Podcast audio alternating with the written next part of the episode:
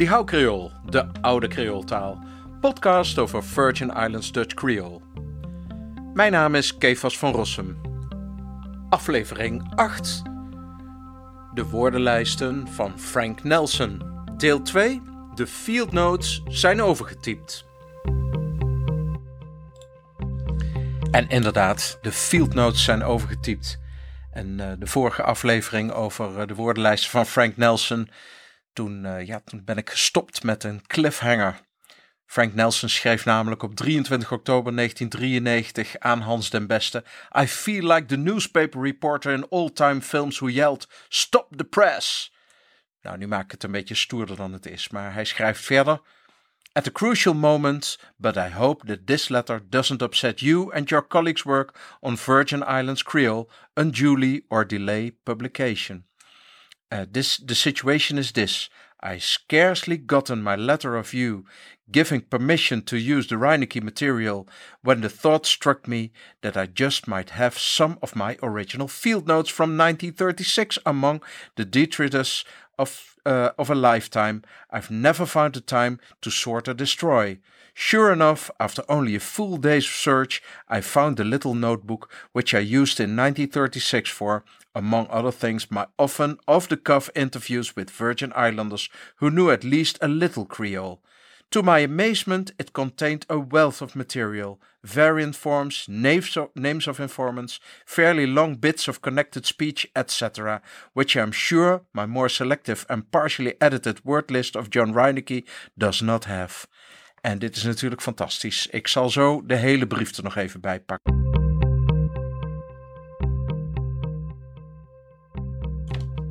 De Reinecke-lijst, en daar moet ik even op terugkomen, dat was de lijst van de acht pagina's die we al gekregen hadden. Dus het is een acht pagina's lang typoscript dat genoemd werd door John Reinecke in zijn uh, bibliografie van Creoolse teksten. En uh, ja, deze tekst die is ooit al door Hans den Beste, uh, in 1984 al opgevraagd bij de Universiteit van Hawaii, in Hilo, Hawaii. En die, die lijst die hebben we gekregen. Uh, of die heeft Hans den Beste ooit gekregen en die wilden we gebruiken voor het boek Die Creooltalen, dat uiteindelijk in 1996 zou uitkomen. Maar uh, toen, wij, uh, toen wij permissie vroegen aan de Universiteit van Hilo, volgens mij moet je Hilo zeggen, maar oké, toen we daar toestemming van hadden gekregen, werd er meteen gezegd van ja, neem maar contact op met, met Frank Nelson zelf. En dat hebben we gedaan. En nou, dat leverde dit fantastische, fantastische bericht op. Het waren maar acht pagina's. Nou, wij vonden het al aardig lang, maar het bleek dus veel meer te zijn. En wat doet die Nelson nu? Hij gaat direct aan de slag. Hij uh, gaat, uh, uh, ja, hij, hij ziet hier zijn, zijn oude boekje, waarover ik later zeker meer nog zal vertellen. En uh, ja, hij zegt hier: Normally, I would be most happy to send you my original notes in a notebook which contains them, but much of my writing is legible only to myself, and the interviews are scattered among other entries dealing with irrelevant matters. And, to make matters worse, the notebook itself is in a sad shape, chewed by bookworms and cockroaches in spots, and with the yellowed pages already so brittle and fragile that I doubt. Uh, they will survive the century. So I'm spending this weekend making a careful and conscious transcript of all the VI Creole entries, and I hope to have it ready to send to you when the post office opens Monday. It's close today, but there's still time to get this out. Nou, wat doet die Frank Nelson? Hij gaat dus zijn hele boekje overtypen. En uiteindelijk blijkt ook dat het dan niet meer om acht pagina's gaat, maar dat het zelfs om 18 pagina's gaat. Op die zaterdag stuurde hij het berichtje. De zondag, 24 oktober, dan schrijft Nelson al meteen de belangrijke brief met al die overgetypte pagina's. En het pakket, nou van 20 pagina's met van alles en nog wat uh, erbij, ontvangt uh, Hans den Beste vijf dagen later. En um, ja, die, eh, die tekst die Nelson overtypt, die is, die is heel diplomatisch. Dus ook uh, allerlei onduidelijkheden enzovoort. Precies zoals hij het in zijn boekje zou hebben staan. Tenminste, zo lijkt het. Uh, zo is het overgetypt. Later komt er nog heel wat commentaar op. En daar zal ik later nog, uh, daar zal ik dus nog wel terug, op terugkomen. Um, ik bedoel dat Hans den Beste die gaat zeer kritisch met die tekst om en zal Nelson nog om extra informatie vragen. Maar dat is voor een, een volgende keer. Nelson schrijft dan ook dat deze lijst, dus die langere lijst, dat dat de basis was voor zijn rapportage aan Reineke. En in de tweede alinea van de brief staat dan ook precies, uh, ja, wat, wat, wat hebben we hier eigenlijk? En dan zegt hij, here they are as careful as uh, carefully as I can copy them, with all my mistakes, inconsistencies, and repetition, just as I wrote them, often in pencil, in a little pocket notebook now falling apart.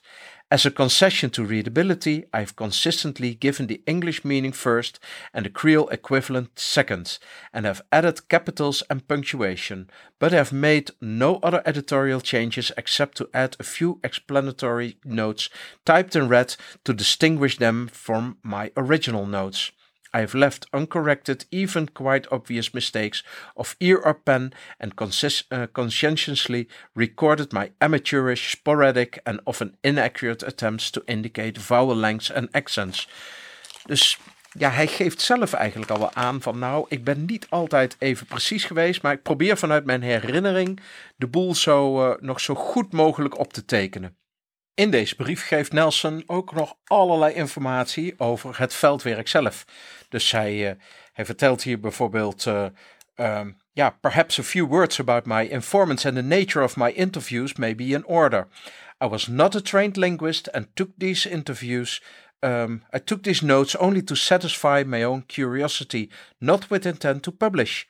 All of my informants were then quite elderly, had not spoken Creole for many years, and were often unable to recall even a few words and phrases until social chit chat put them at ease and talk about olden times jogged their memories. One, the oldest, if I remember rightly, uh, did say that she had spoken uh, Creole quite fluently in her childhood, but had never learned. Uh, never learned to read what she called the deep Creole of the Bible and religious tracts. She was not uh, she was not the one, incidentally, who told me that she had known a lot of songs in Creole in her uh, unregenerate youth, but refused to sing any of uh, them for me because she was now a good Christian woman. Nou, dat is een van de, uh, van de uh, opmerkingen die uh, bekend zijn onder, onder veldwerkers. Zoiets van, ja, dat kan ik nu niet meer vertellen hoor, want nu ben ik een christen en leef ik volgens de Bijbel. Dus allerlei verhalen die ga ik nu niet meer vertellen. Dat is natuurlijk wel jammer. En dit komt dus ook hiervoor. Maar het is wel leuk om te zien dat het hier gaat om, om mensen die uh, eerst een beetje op hun gemak uh, moeten komen. En daarna blijkt dat ze eigenlijk nog best wel wat van, die, van de Creooltaal weten. Um, nou, en dat zullen we ook zien in de lijst. En dit is ook wat de Jocelyn de Jong meemaakte. En nou ja, dat zien we in de afleveringen over, over het, uh, uit het dagboek van de Jocelyn de Jong nog wel. Um, hij gaat nog verder. While all of my informants shared a common basic vocabulary, some used words apparently unknown to several of the others.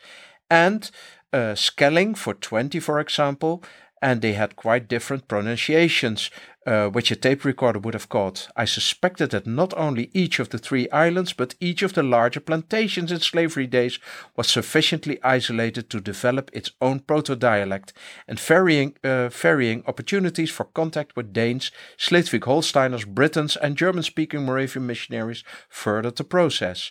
Contact with someone who used the, Ger- the German nine which one informant used, stressed the final N in giving nine for no is the simplest explanation of their use, uh, use of it, instead of the more common nay. Of course, there may have been some contamination from Danish nay, met een j op het eind, frequently pronounced nai. Isabella Sylvester's use of bo for on may reflect Danish po, but these are pure conjectures based upon anecdotal evidence.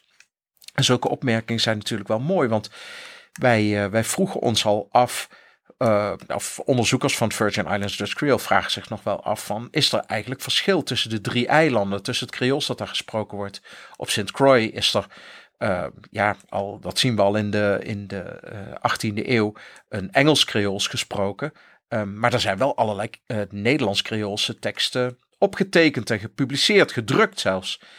En ja, is er eigenlijk verschil tussen uh, het uh, behoudende Creools, nou van het min of meer geïsoleerde eiland St. John, en het, uh, ja, het stadse Creools van St. Thomas, is er eigenlijk een verschil.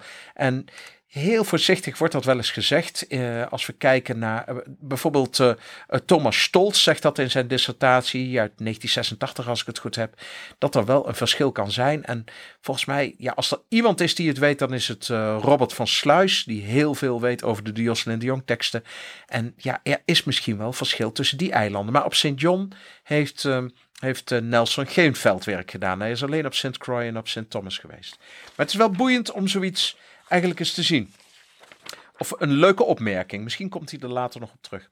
When going over my notes now, what strikes me is the number of words in Creole which easily recognizable cognates not only to Dutch and Danish, but in Low and High German and even English as well.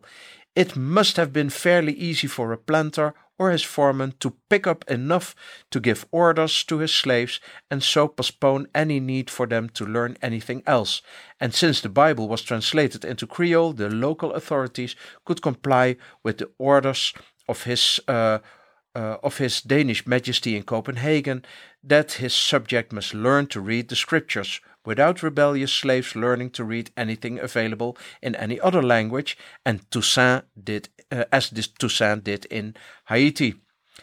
Um, I wonder if any of the group working on the history of Creole had considered the possibilities of these factors contributing to the relative longev uh, longevity of Creole well into the present century.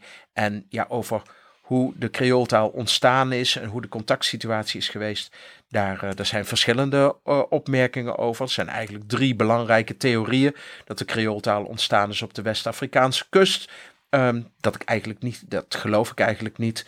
En um, uh, misschien dat, ja, het kan natuurlijk zijn dat er Nederlandse woorden toen al gebruikt werden, bijvoorbeeld in Elmina, maar de uh, tot slaafgemaakte kwamen echt niet alleen maar uit dit gebied. Um, bovendien geeft een neef van Balthasar Huidekoper aan dat hij daar als rechter in een Portugese kromtaal, in een Portugees pidgin, Creooltaal, ik weet het niet, um, spreekt en dus niet in het Nederlands. Er zijn wel Nederlandstalige brieven uit Elmina bekend hoor, ook uit deze tijd. Dus, maar fijn.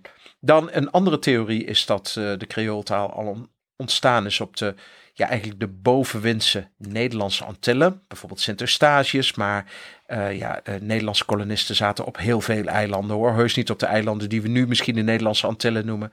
En ja, het kan zo zijn dat er daar al iets ontstaan is, maar ik vind de situatie op Sint Thomas als een soort melting pot, uh, vind ik veel, veel, um, veel logischer. daar heb ik over geschreven in een artikel dat heet Maternity Visit to St. Thomas. En het staat ook in mijn dissertatie. En daar geef ik aan hoe zowel de demografie van, de, van, de, van ja, het vroege, de vroege Deense kolonie als het dialect, zoals het in het Virgin Islands Dutch Creole gezien kan worden, um, ja, hoe, dat hoe dat bij elkaar is gekomen. Nou, ik ben er erg onduidelijk in nu, maar Frank Nelson heeft zijn ideeën erover en inderdaad, die zijn later dus die zijn later uitgewerkt. Um, dit staat er zo'n beetje in zijn brief. En wat wel leuk is, hij eindigt de brief met um, Mikaseyo Gonofanda Astamenda je kan schrijf je boek uit Frandi. En dat is wel leuk. Hij maakt deze opmerking. Dus ik heb nu, uh, ik heb vanmiddag, vandaag, deze middag genoeg gezegd. Jullie, je kan schrijf je boek uit Fradi. Dus je kunt nu je boek gaan schrijven. Je kunt hieruit je boek gaan schrijven. En volgens mij is dat ook een opmerking die gemaakt wordt door uh, een van de een van de uh, informanten die, hij, uh, die Nelson spreekt. Maar daar kom ik later vast nog wel een keer op terug.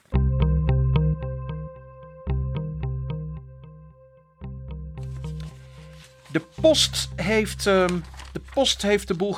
Over de lijst zelf kom ik trouwens later nog wel te spreken. En de post uh, heeft, gekruist, heeft gekruist, of tenminste, ja, hoe zeg je dat mooi? Want op 27 oktober, dan schrijft Hans den Beste al een reactie op een vorige brief van uh, Frank Nelson. Dus niet op de brief waarin hij aankondigt dat hij de hele boel heeft overgetypt, maar op een andere. En daar zegt hij nou hartelijk bedankt voor thanks for your permission to use the manuscript in part or in total for publication. Dus hij is er heel erg blij mee. Hij verwijst naar de Jocelyn de Jong, naar het onderzoek dat in, in de jaren 1920 gedaan zijn. Hij verwijst ook naar Gilbert Sproul of the Virgin Islands. En hij komt terug op allerlei uh, woorden uh, die in allerlei woorden die voorkomen in de oorspronkelijke lijst. Um, dus, en hij verwijst dan naar bepaalde onderzoekers die er, die er zijn. Uh, dus dan zie je van, ja, Mark Hill zegt bijvoorbeeld één skelling is 20, uh, twee skelling is 40, et. Hoe zit het hier eigenlijk mee? En uh, ja, zo zien we nog meer verschillen tussen de tekst, ja, zoals in de eerste acht pagina's, hè, de Reineke-lijst zoals ik die noem, en de, de Jocelyn de Jong tekst. Dus die Hans den Beste, die gaat er meteen op in. En die laat ook eigenlijk wel zien dat die tekst razend boeiend is. Maar wanneer hij op, um, uh, wanneer hij op 1 november, dan moet ik even kijken of ik het Ja, op 1 november uh, de post krijgt met erin de aankondiging.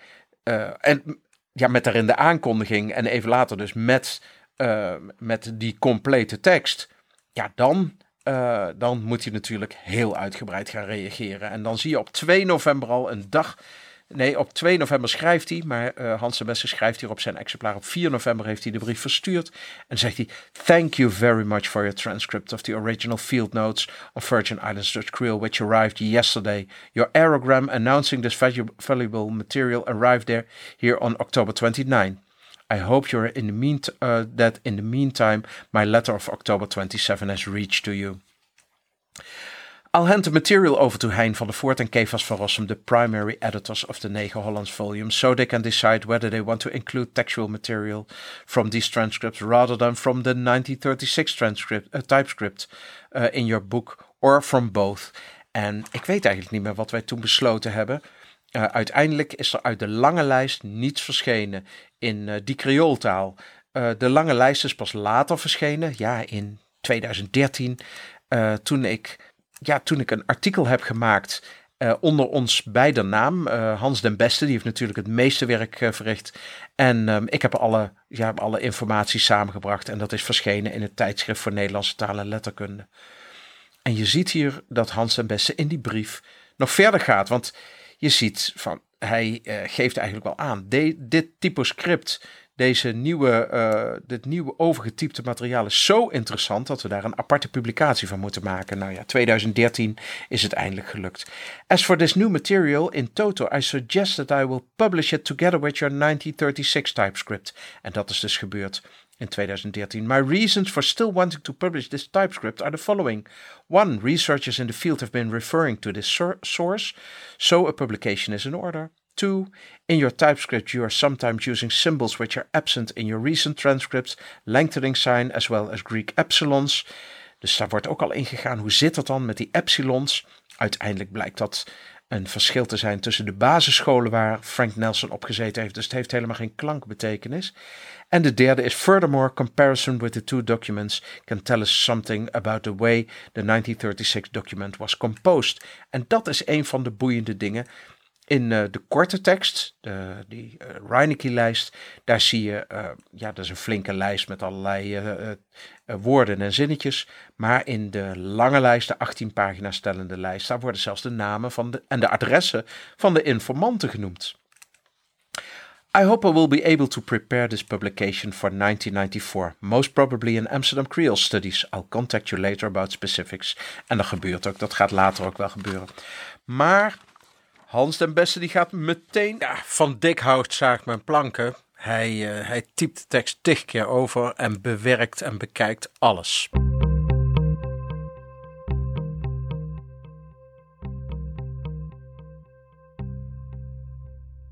Uh, in so far As I can see, your informants are not the same as those of the Jocelyn de Jong. Dus hij is al meteen gaan vergelijken. Sommige achternamen zijn wel uh, ongeveer hetzelfde, maar het zijn dus niet dezelfde personen. Nor as those of Anne Adams Grace, who interviewed some informants in the mid-70s. Uh, what's more, there's a uh, definite difference between the Jocelyn de Jong 1926 and Nelson 1936. Um, in that the Jocelyn de Jong visited St. Thomas and St. John, whereas you visited St. Thomas and St. Croix. Dus dat is al wel boeiend. Van, hè, dat St. Croix, daar werd toch vooral Engels Creools gesproken. Crucian Creole, zoals uh, het genoemd wordt. En waarover Christopher Beu van Christopher Fries Beu van de uh, Aarhus Universiteit ehm, dit jaar, of nee, 2021 is gepromoveerd. Ik ga weer verder in de new document. De new document shows that Neeston Kerchief, uh, Nelson 1836, is indeed Neestok. Ah, kijk eens aan. Een typfout wordt eruit gehaald. Maar heeft Nelson die typfout gemaakt? Nou, later blijkt dat dat niet zo is. Dat is volgens mij is het Reineke die het heeft gedaan. En zo zijn er nog meer opmerkingen. Bijvoorbeeld over soursap voor tisaan. Uh, je ziet doom voor condemn. Klopt dat dan? Is dat, uh, nou, en Hans de Beste gaat heel precies in op allerlei informatie. Doem betekent niet verdoemen, maar doe hem. dus er is een samentrekking. Um, dan wordt er verwezen naar het Onze Vader. Victoria Mossentau. It looks very Dutch with Onze Vader voor Onze Vader. En dakels voor dagelijks. En hij maakt nog meer uh, opmerkingen. Bijvoorbeeld, uh, zo zegt uh, Victoria Mossentau, I lost it, I lost it. Maar, en Hans de Beste zegt, probably it means I lost it, I lost it. He, ik ken de rest eigenlijk niet meer. En dat is die, ja, dat zie je wel vaker bij de informanten, dat ze op een gegeven moment echt moeten zoeken naar hoe het ook alweer klonk. En zo zijn er nog meer opmerkingen. Uh, Mime Lelek van Dunku van I am bad. En dan zeg je van ja, lelijk is, uh, is ugly. Maar het gaat hier over dat iemand een zere enkel heeft. En Henrietta Francis, en de achternaam Francis komt heel veel voor onder sprekers van Virgin Islands Dutch Creole. Het is trouwens ook familie van de familie Sproul, die al eerder genoemd is. En ook met wie ik op het moment samenwerk om, um, ja, om informatie te verzamelen en uh, conversaties te maken in het Virgin Islands Dutch Creole. En dan zegt hij, um, Henrietta Francis used nine instead of nee. En Mossentau en Tedman gaven neen. En dit is wel interessant. Nee betekent dan neem en nemen. Daar komt het vandaan. En neen voor no, dat is eigenlijk de juiste vorm. En dat lijkt dus veel eerder op het Nederlandse neen. En hier zegt hij eh, German nine. Maar uh, ja, nee, het staat hier niet in de tekst, maar het verwijst eigenlijk wel naar het Nederlandse neen. En dan um, zie je van dat er uh, is Isabella Sylvester, weer een andere informante, die zegt van ja, die gebruikt, het lijkt alsof ze boog, of zij gebruikt bo voor on, voor bovenop. En um, Nelson denkt dat het komt van het Deense po, maar het is van het Nederlandse boven. Nou, Hans die gaat er dus meteen mee aan de slag. Hij maakt al meteen allerlei opmerkingen. Ook op deze onderdelen gaat, um, gaat Nelson in. Hij verwijst ook naar andere onderdelen in zijn lijst. Dus wanneer hij op, um, even kijken, op uh, uh, uh, 7 november reageert op deze brief. Dus wanneer Nelson dat doet, een kort brief stuurt hij dan, dan noemt hij ook allerlei van deze dingen. Neeston, could be neestok. En uh, soursap, could be tisaan. En het gaat daar om een, uh, een bepaalde drank. Hij heeft allerlei opmerkingen maakt hij. En thanks for interesting information.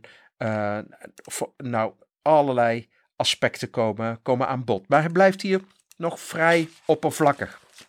Een week later schrijft hij een veel uitgebreidere brief op 14 november.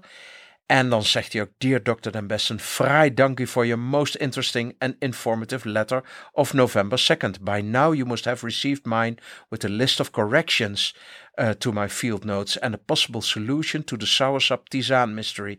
At Vieskelling and says, my memory isn't always as it is used to be. Vieskelling en 6 betekent 86 in het Creools. Dus dat is wel leuk dat hij, uh, dat hij het op die manier zegt. En vrij dankie, dat is eigenlijk de opmerking die eigenlijk nog steeds wordt gebruikt, uh, zo hoorde ik van Gilbert Sproul, op de Virgin Islands. En daarom noemden de mensen, uh, de, de Engels sprekenden het ook de, de fried donkey language. Nou, de, de gebakken ezel uh, taal, want fraai donkey betekent heel hartelijk bedankt. Fraai betekent mooi, donkey betekent bedankt. Dus mooi bedankt, hartelijk bedankt. De fried donkey language. Dus Volgende nieuwe uh, veldwerkers moeten maar daarna op zoek gaan. Do you speak Fry Donkey? Ja, nou, fijn. Um, in de brief gaat, uh, gaat uh, Nelson al in op allerlei informatie. hij zegt, ja, hier zou dit kunnen staan. Doemen kan van doom zijn en niet. of hij zegt, oh, natuurlijk zou het wel van doem kunnen zijn, maar ik ga eigenlijk, ik kijk vooral naar het Deens. En zo kijkt hij naar. Zo kijkt hij naar de woorden die, Frank, die Hans den Beste aangeeft. Maar hij gaat ook in op allerlei andere informatie. Bijvoorbeeld, uh, ja, um, it, a possible explanation for what you expect as uh, is a later, later infusion of standard Dutch into the original Creole. In the 17th and 18th century, literally thousands of seamen from Denmark, Norway served in the Dutch merchant marine. En dat is ook iets waar wij later, uh, wat wij later ontdekt hebben. Wij zagen Nederlandstalig materiaal van de Deense marine. En uh, wij zagen ook dat Nederlands de omgangstaal was bij de Deense marine. Dat zie je bijvoorbeeld in de brief van um, uh, Arend Hendricks. Nou, dat is een, die, die behandel ik volgens mij in de allereerste of een van de allereerste podcastafleveringen. En dan zie je dat hij, die Arend Hendricks, een Nederlander, die schrijft in het Nederlands naar zijn opdrachtgever in Denemarken. En uh, toen ik in een, een Zweeds marinemuseum was in Zuid-Zweden, Karlskrona, zag ik ook dat de landkaarten daar, die waren bijvoorbeeld in het Nederlands. Maar hier geeft hij dus aan van, ja, dit zou natuurlijk ook aan de hand kunnen zijn. Hè? Hoe zit het met die Denen die Nederlands spreken? Hoe zit dat eigenlijk? En hoe zit het met de Ieren die daar later komen? Nelson die sluit daar zijn aerogram weer af. Maar ondertussen is het niet zo dat Hans ten Beste dan stil gaat zitten. Van Nelson horen we een hele tijd niets. Pas op 22 maart 1994 is er het volgende contact met Hans ten Beste.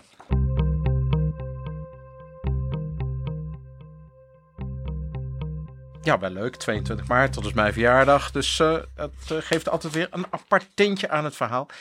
Uh, Nelson stuurt een kort briefje, weer zo'n mooi aerogram. En hij zegt: uh, Dear Dr. De Besse, no, I haven't run across any new material on Virgin Islands, Virgin Islands Creole, or come up with any more of the cuff theories about it. Dus er is blijkbaar een mail geweest. Nou, de mails van Hans den Beste zijn over het algemeen bewaard gebleven, maar hier kon ik niks zien. Waarin er geïnformeerd is door Hans of misschien nog meer materiaal is. Nou, helaas. Maar het leuke is dat uh, Frank Nelson zegt hier.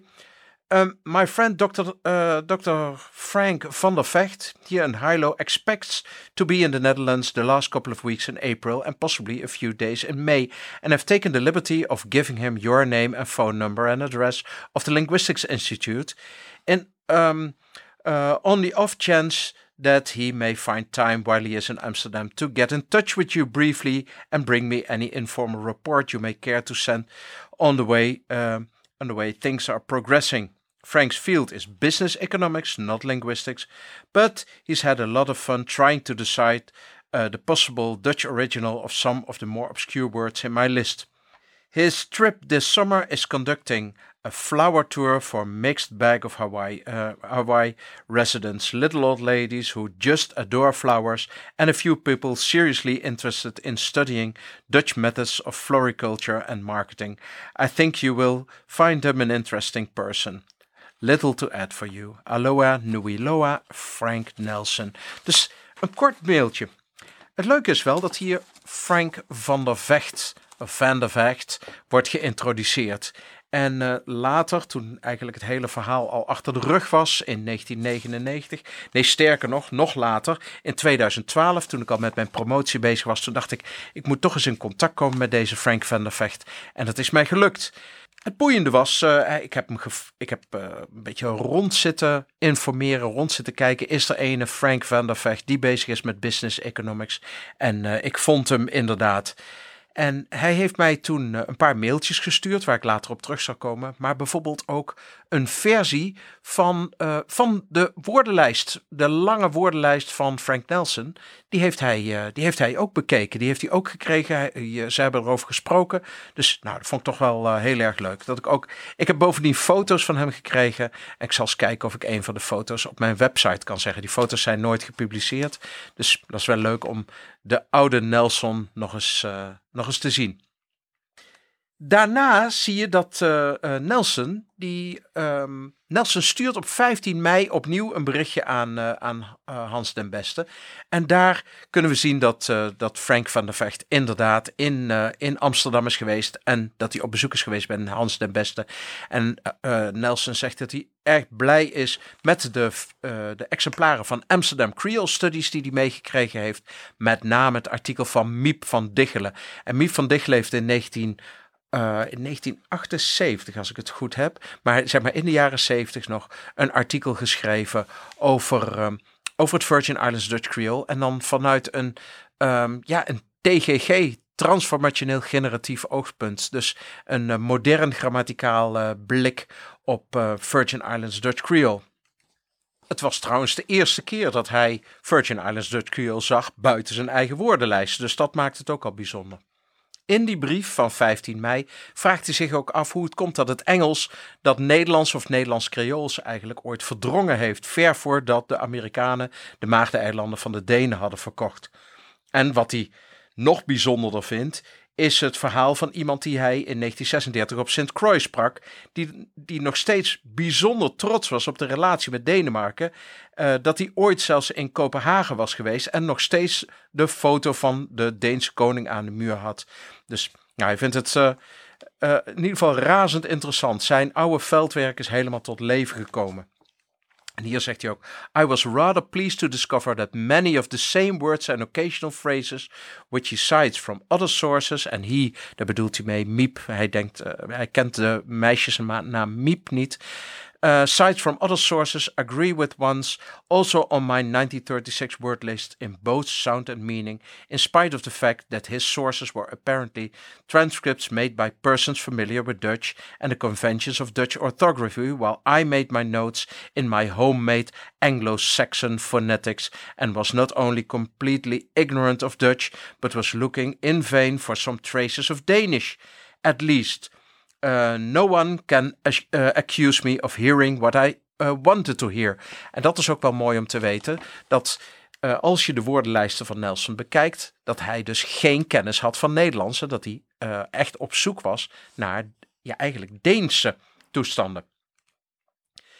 Op 31 mei schrijft Den Beste een kort briefje aan Nelson, waarin hij nog even ingaat op, op uh, de naam Miep, maar het blijft bij een heel kort, uh, blijft bij een heel kort briefje. Um, het is een, ja, eigenlijk het einde van een bepaalde periode van intens, van intens contact tussen um, Frank Nelson en Hans Den Beste. En daarna gaan er allerlei andere dingen lopen. Het is namelijk heel lang stil. Pas in 1996, dan zien we een beetje leven weer in deze situatie komen.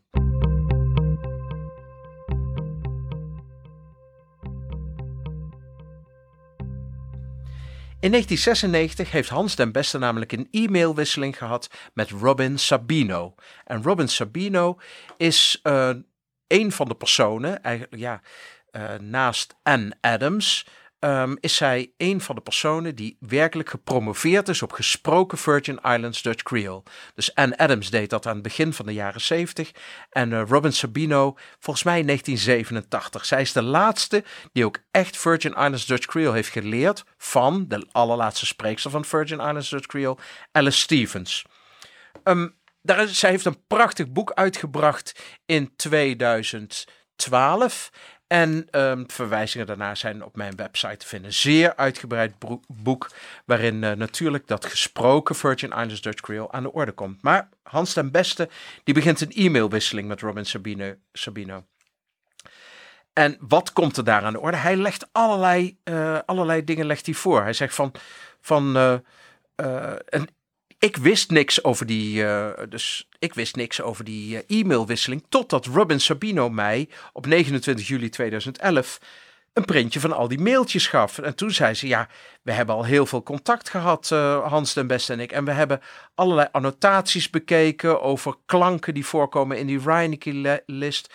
Uh, we hebben allerlei informatie uh, uh, uitgewisseld over hoe woorden werkelijk uitgesproken zouden moeten zijn, welke problemen er zijn. En de opmerkingen die in deze e-mailwisseling voorkomen, dus uit ja, ongeveer 1996, die heb ik opgenomen in het artikel van Hans den Beste en van mij. In 1996 gebeurt er nog meer, want dan krijg ik voor het eerst persoonlijk contact met hem. Op 18 juli 1996 stuurt Nelson een brief aan mij. Ik had hem vlak daarvoor namelijk een exemplaar gestuurd van het net uitgekomen, uh, ja, de net uitgekomen bloemlezing Die Creooltaal. En Nelson was er hartstikke blij mee. Hij vond het echt fantastisch om de geschiedenis van het Negen Hollands te kunnen volgen. Dus, en om zijn eigen veldnotities, ook al waren die uit die oudste lijst en niet uit die zeer uitgebreide lijst. Uh, ja, hij was, er, hij was er gewoon hartstikke blij mee om het nu te zien. En hij noemt het ook, en ik vind dat wel heel beeldend, like flies in amber. Uh, verder is het ook zo uh, dat hij nog even erop ingaat van ja, waarom gebruik je nou eigenlijk Nederlands uh, of Engels in de glossen in plaats van Nederlands of Duits? Nu hij het hele boek voor zich heeft, kan hij ook ingaan op andere teksten. En hij zegt dan op een gegeven moment: Which reminds me, did the Jocelyn de Jong indicate anywhere how or when his informant learned the story of the four musicians of Bremen? En dat is de, de Bremer stadsmuzikanten. Daar hebben we verschillende versies van. Ook één waarvan, uh, of die voor, die vertaald wordt door Alice Stevens. Dus die laat ik nog wel eens horen in presentaties. Uh, Gilbert Sproul heeft dan een gesprek met haar daarover. And its source is obviously a published version of the Brothers Grimm Märchen, probably in English, since the young uh, the Young's re recording of the name Brement indicates that his informant had heard the long E Bremen pronounced accordingly to the conventions of English spelling. My hunch is that either his informant had been a nursemaid in an English speaking household and had heard the story read out loud in English more than once, or someone, possibly a child or grandchild, who had learned from her. In any case, this story should be a warning to overconfident folklorists that such tales can easily slip back and forth between uh, written and oral transmission as well as from one language to another. The same is true of jokes. Does Dutch, Dutch have a version of that old vaudeville wheeze, Who was the lady I saw you with? I know that Norwegian does. En hij heeft... Uh, hij snijdt hier een interessant punt aan. Want de Jocelyn de Jong, van wie ik nu het dagboek ook aan het voorlezen ben in uh, deze podcastreeks. Die Jocelyn de Jong, die was eigenlijk, ja, die was wel geïnteresseerd in de taal natuurlijk, maar die was vooral ook geïnteresseerd in de verhalen.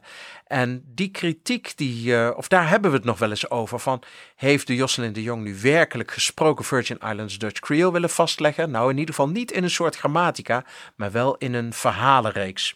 Uh, de de Jong was een antropoloog natuurlijk. Al moeten we zijn taalkundige achtergrond echt niet uh, onderschatten of zo hoor. Dan vraagt hij mij iets bijzonders. Hij zegt: Meanwhile, since you live in Arnhem, may I recall upon you for a personal favor? I'd like to send a copy of the book to friends there. En dan hebben ze, heeft hij het over de familie, uh, de familie Sanders. En die wonen in de Bolswardlaan in, uh, in Arnhem. En ik heb inderdaad contact met ze gezocht. En ze hebben een mooi verhaal verteld. Hij was in Venezuela en ontmoette daar. Uh, hij hoorde daar een meisje aan het zwembad op een gegeven moment praten over, uh, over allerlei dingen. En hij zei dus, hij kende uit het Virgin Islands Dutch Creole nog het woord bloemetje. En hij noemde dat woord en zo konden ze contact leggen. Dat, dus hij, dat was het enige wat hij van Nederlands wist. Dus hij kon dat op een mooie, hij kon dat, die, dat contact mooi leggen. Ik heb uh, contact gelegd met deze mensen. Ik ben ook bij hen op bezoek geweest. En zij hebben mij heel wat meer verteld over die Frank Nelson met wie zij ook contact hadden.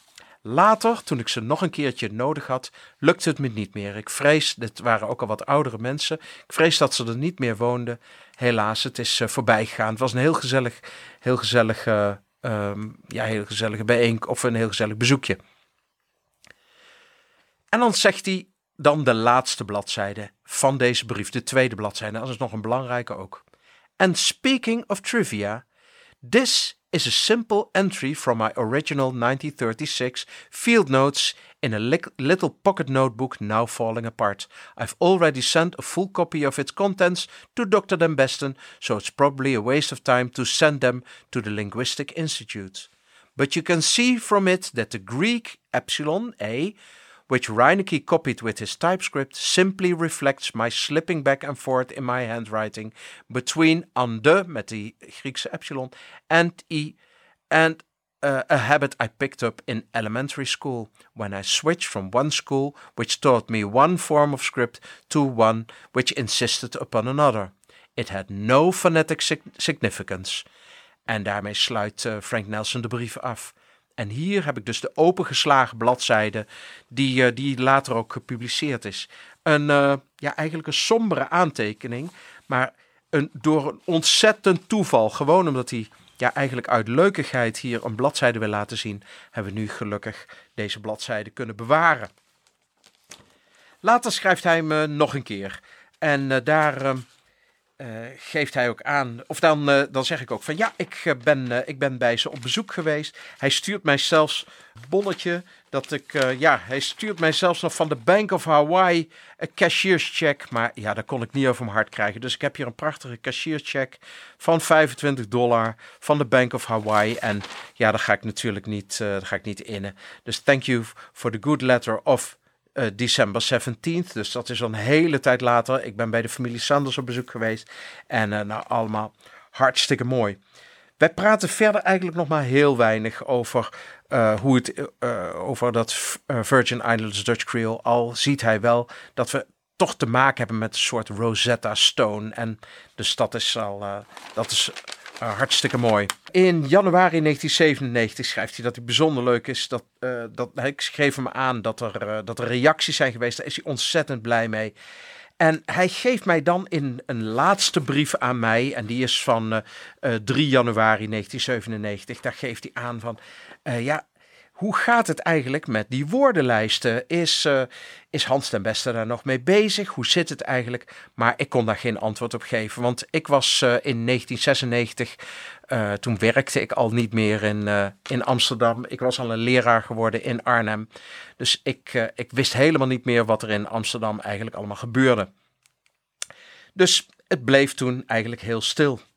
Ik ben later ook later ook verhuisd. Ik heb kinderen gekregen, andere, uh, zeg maar een andere, uh, heel andere baan, heel ander leven. Dus tussen 1997 en 1999 is er helemaal geen contact meer geweest. Maar ondertussen, ik zei het al, Hans den Beste die heeft niet stilgezeten. Hij heeft de teksten tig keer overgetypt.